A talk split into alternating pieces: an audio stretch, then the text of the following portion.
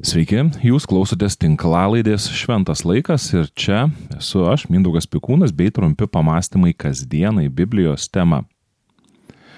Prieš keletą dienų mano sūnus ryte atsikėlė visas piktas. Iš pradžių buvo sunku suprasti, kodėl. Mano nuojauta pasitvirtino, kai jau vėliau jis prisipažino, jog sapnavo tokį gerą sapną, kad nenorėjo iš jo niekur eiti.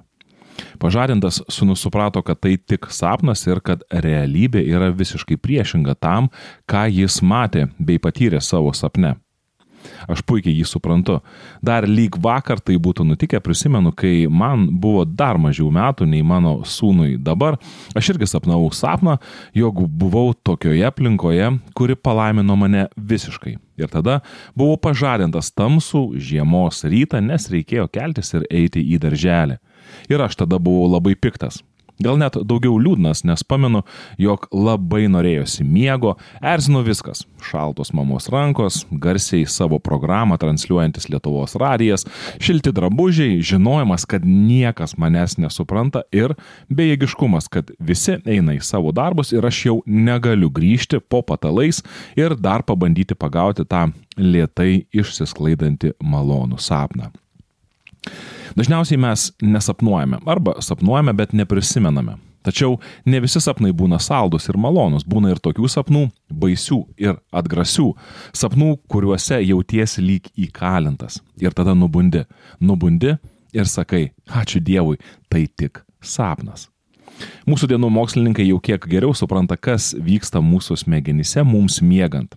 Ir vis tik tuo metu, kai smegenys kažkaip bando sudėlioti vakarykštės dienos išgyvenimus į tam tikras mūsų sielos lentynas, kad mes neišprotėtume ir smegenys neperkaistų, mums miegant, vis tik patiriami išgyvenimai yra pakankamai realūs.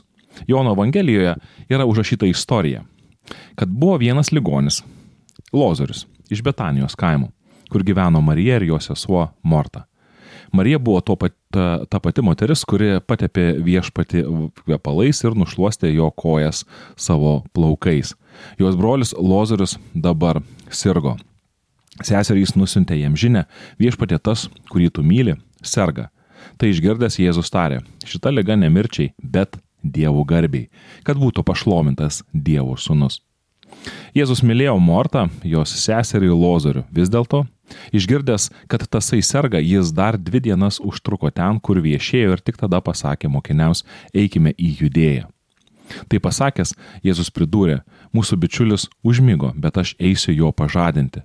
Mokiniai atsiliepė viešpatė, jeigu jisai užmygo, pasveiks. Jėzus kalbėjo apie jo mirtį, o jie mane, kad jis kalbas apie poilsio miegą. Pagaliau Jėzus atvirai jiems pasakė, Lozorius mirė, bet aš džiaugiuosi, kad ten nebuvau dėl jūsų, kad jūs įtikėtumėte.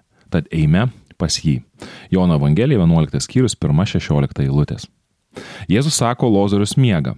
Vadinasi, sveiksta, pagalvojo mokiniai, kol galiausiai Jėzus pasakė, kas iš tiesų nutiko. Lozorius mirė. Jėzus mirti prilygina miegui tik todėl, kad yra mirusiųjų prisikelimas. Jei nebūtų prisikelimo, nebūtų ir mirties kaip miego. Būtų tik mirtis savo galutinėje išraiškoje. Jei vakare eitume miegoti, žinodami, jog ryto nesulauksime, mes to nevadintume miegu, mes tai vadintume mirtimi. Kartais vaikai ir nenori eiti miegoti, nes tai galbūt net nesąmoningai supranta, jog arba taip jiems net nesąmoningai primena mirti.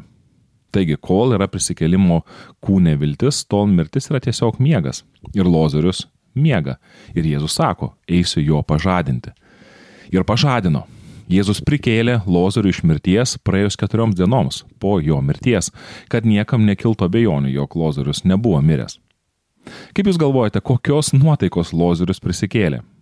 Žinoma, suprantu, kad šis klausimas yra toks, na, gal net perteklinis, nes Biblijoje nieko nėra apie tai kalbama. Tačiau man ši detalė ypatingai užkliuvo. Prisikėlusiųjų iš numirusiųjų tyla apie tai, kas žmogui nutinka po mirties. Jei tikėti tradicija, jog miręs žmogus toliau gyvena danguje ar pragare ar kokioje nors tarpinėje būsenoje, tikrai Biblijoje būtų galima rasti nors ir menką užuomeną apie tai. Įsivaizduokite, Lozorius yra danguje, nes buvo Jėzaus draugas ir gyveno dorą gyvenimą.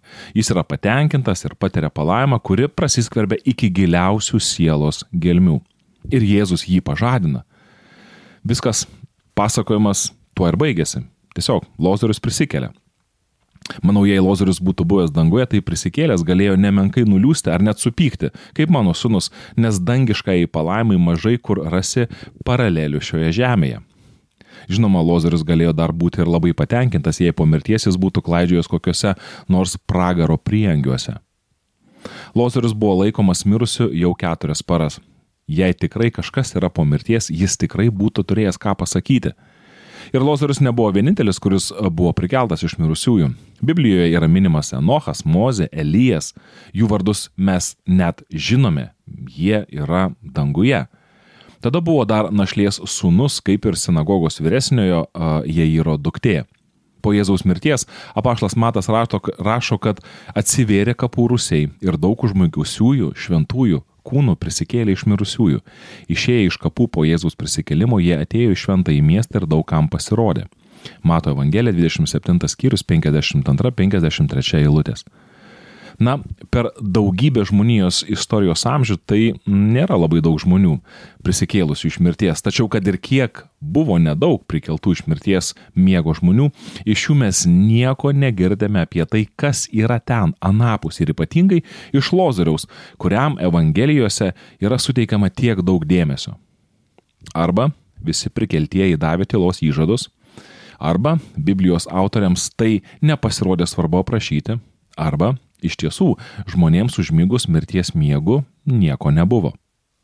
Aš puikiai suprantu, kad pasaulyje yra ypatingai gyvos idėjos ar net patyrimai apie tai, kad mirus žmogaus kūnui žmogus vienokia ar kitokia forma toliau tęsia savo egzistavimą.